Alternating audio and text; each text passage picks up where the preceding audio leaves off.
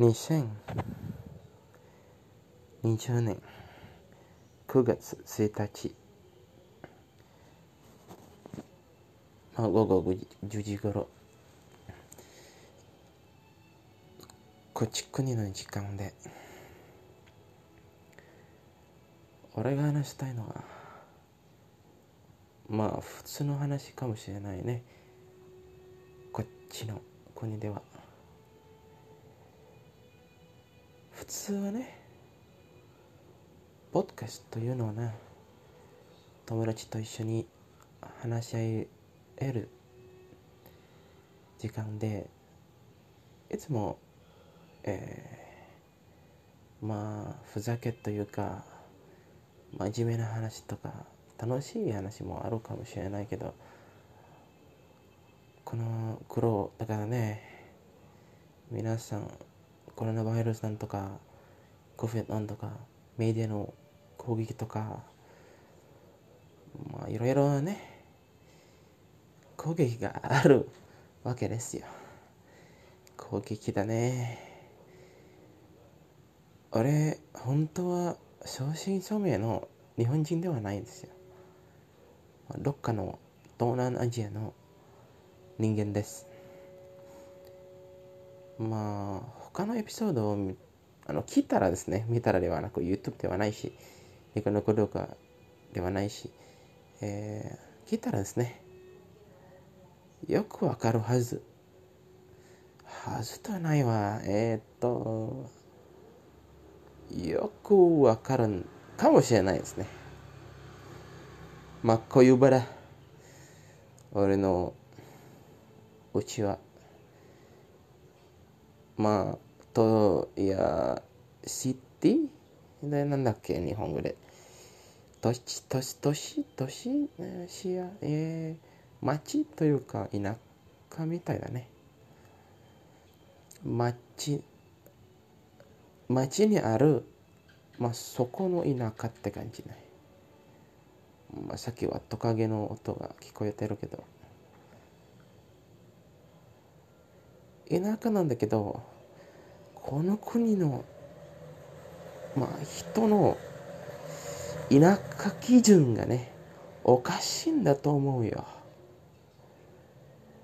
バイクがうるさいし、えー、と、周り人が愚痴言うんだし、まあそれは同じかもしれないけど、えー、っと、なんだっけ、まあ、政府に対する愚痴言うんですよ。まあ、でも、この政府に対する愚痴言うのは多分、他の国であれば、ないこともないないかもしれないですね。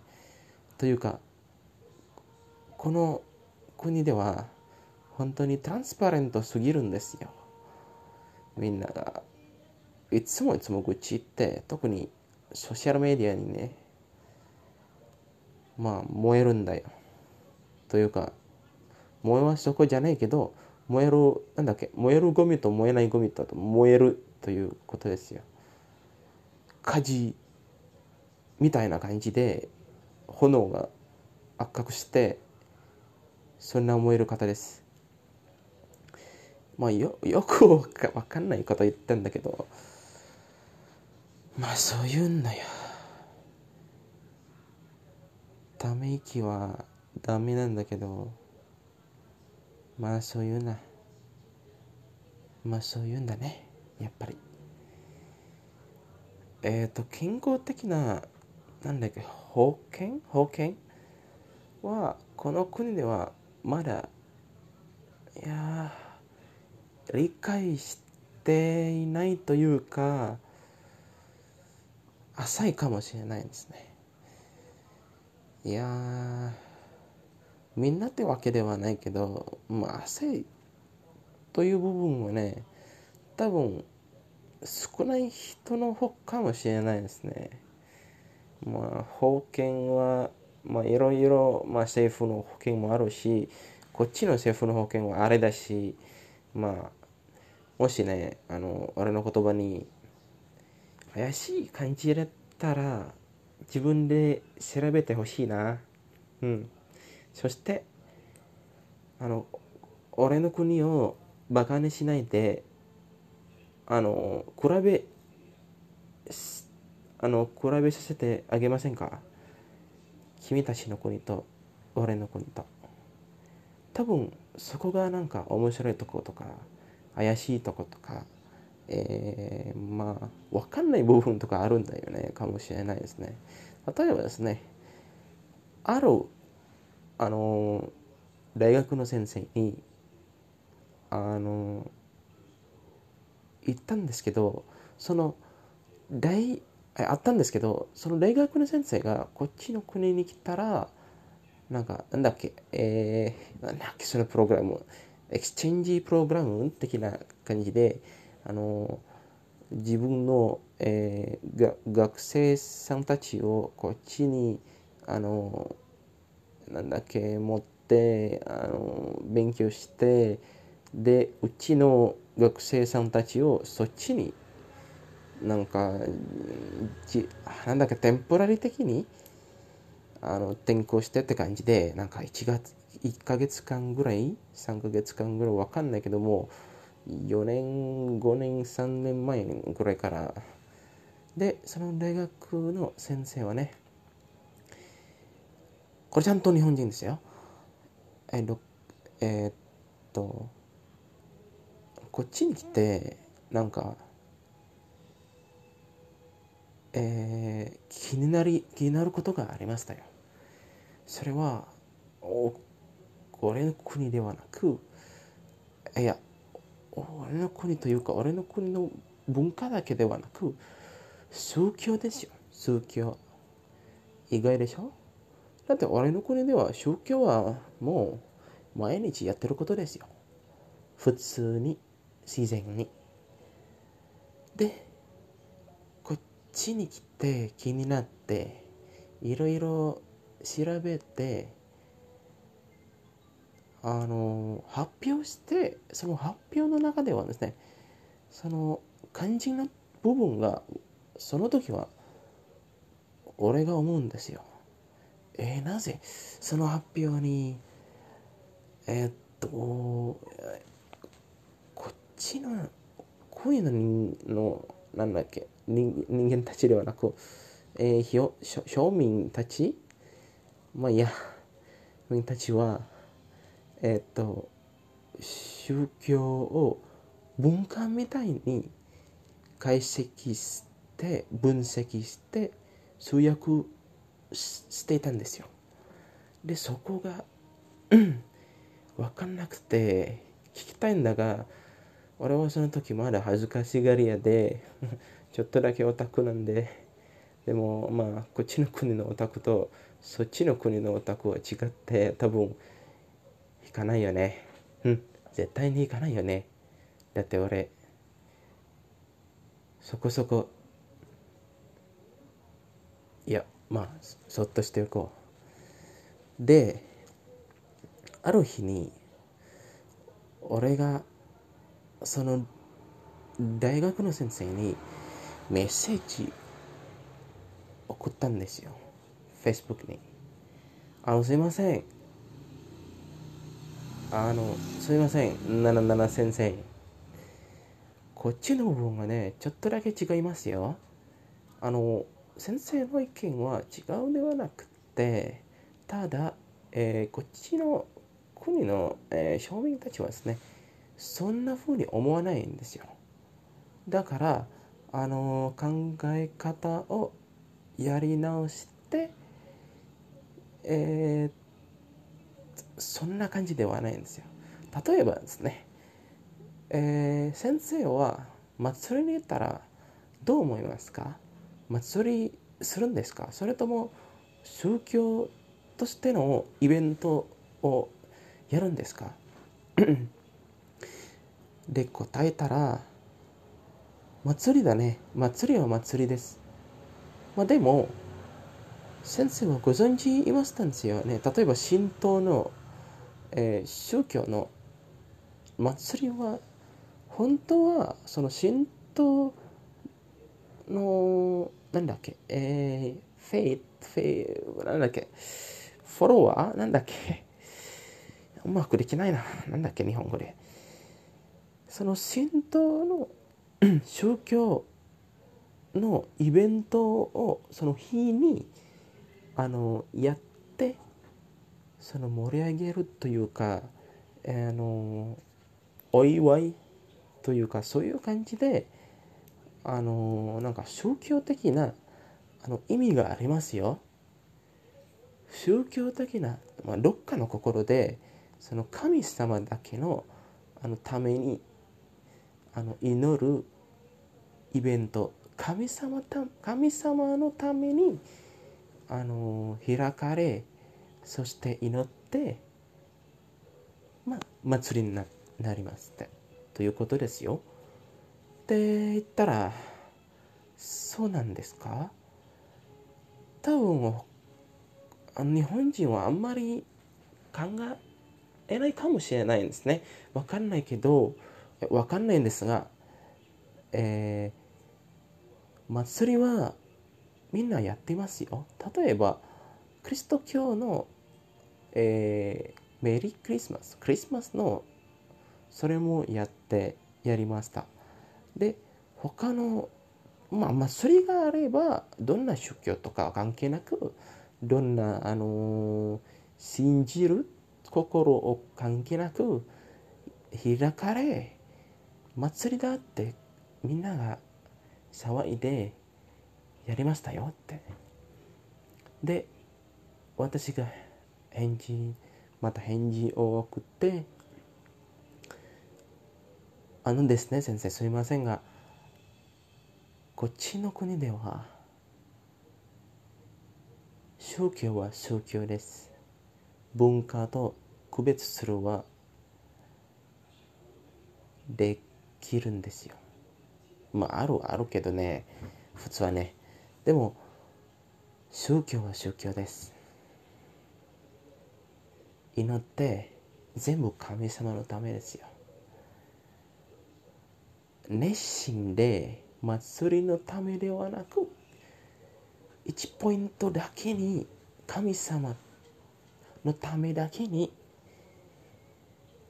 やりますという方向でですね毎日普通に毎日自然に文化ではなく多分日本の祭りをこっちに来たらまあそれは文化祭りみたいな感じなんだけどまあそうまあ少ない一部人が多分あのそれは宗教のやることかもしれないけどね。例えば太鼓とかなんだっけ。そりゃそりゃってなんだっけ。あのちちっちゃい神社を持ってあの踊りあの回ってって感じで多分それはもう宗教のやり方やることじゃないですかってあるある一一一部は多分そう思うかもしれないですね。でもまあ日本人はそういうのをあのもう文化だから我らも文化とみなすということです。でも私たちの宗教は私たちの宗教です文化と同じ目線で見ないでください違います遊びではないです本気で神様のためだけにえー、やります。という感じです。まあ、いろいろ複雑ですよね。で、他の、うん、他のも、あのまあ、他の人に、あのこのトピックはね、話した話したんですよ。うん、うちの会社員の一人です。まあ、先輩は先輩なんです。日本人です。正真正銘の日本人です。その人に同じ、なんだっけ、同じ質問すると、また同じ答えが出ます。祭りは祭りです。宗教宗教はそうですねアリットさんはどんだけあの説明しても僕にもわからないですという感じですそれは悲しい部分ではなくうんある意味面白いんですね。世界にはまだまだそんな人たちがおるんですよって。俺もそう気づいていやこれはもう面白いとしか考えないでしょ。だって無理やりに宗教のなんだっけあの意味を意味だけですよ。あの無理やりすれてそれて込むわけではなくただ説明だけに理解してくださいと。あの宗教はとそういうものですよ。こういうものですよ。という感じだけでもう分かんないぐらいやめるという人たちは多分この世界にはいっぱいおるんじゃないかって。まあ逆に宗教にあのこだわりすぎ人たちもあるかもしれないですね。普通に どっちでもいいやって感じでもあるかもしれないですね。文化どっちでもいいやで宗教もそう同じこと、まあ、人間が一番とかもう分かんないけどそういう人が多いんですよね。人間はおもろいやね。こんな何か弁を語ると誰かがえっ、と怒るかもしれないけどそういう感じだね。うん。ということでまあそんな感じでランダムに適当に話すると長くなりますからえっとちゃんと最後まで聞いてくださいね。利益はないけど俺も俺の 声も多分録音で聞いたら日本語ダメじゃんとか、おかも声じゃないかお前ってか、多分受けるかもしれないですね。Spotify になんとコメントないからね、ヘーターズが欲しいな。本当は。まあ、こんな中で、バイラスの中では、そう思えるかもしれない人も多いかもしれないですね。普通にやらないことをやるだから他の人をそういうやることをやるとところだったらえちゃんと経営してね難しいぜうんあとカズさんありがとうね。また、機会があって、また、多分1年後かもしれない。2年後かもしれないですね。長いな、このコロナウイルス。やべ、アンブレラコプスとか呼んでるかもね。ゾンビとか出るかなまあ、聞いていただいて、聞いていただいてありがとうございます。ちゃんとできなくてすいません。ただのインドネシア人です。じゃ、また。ね。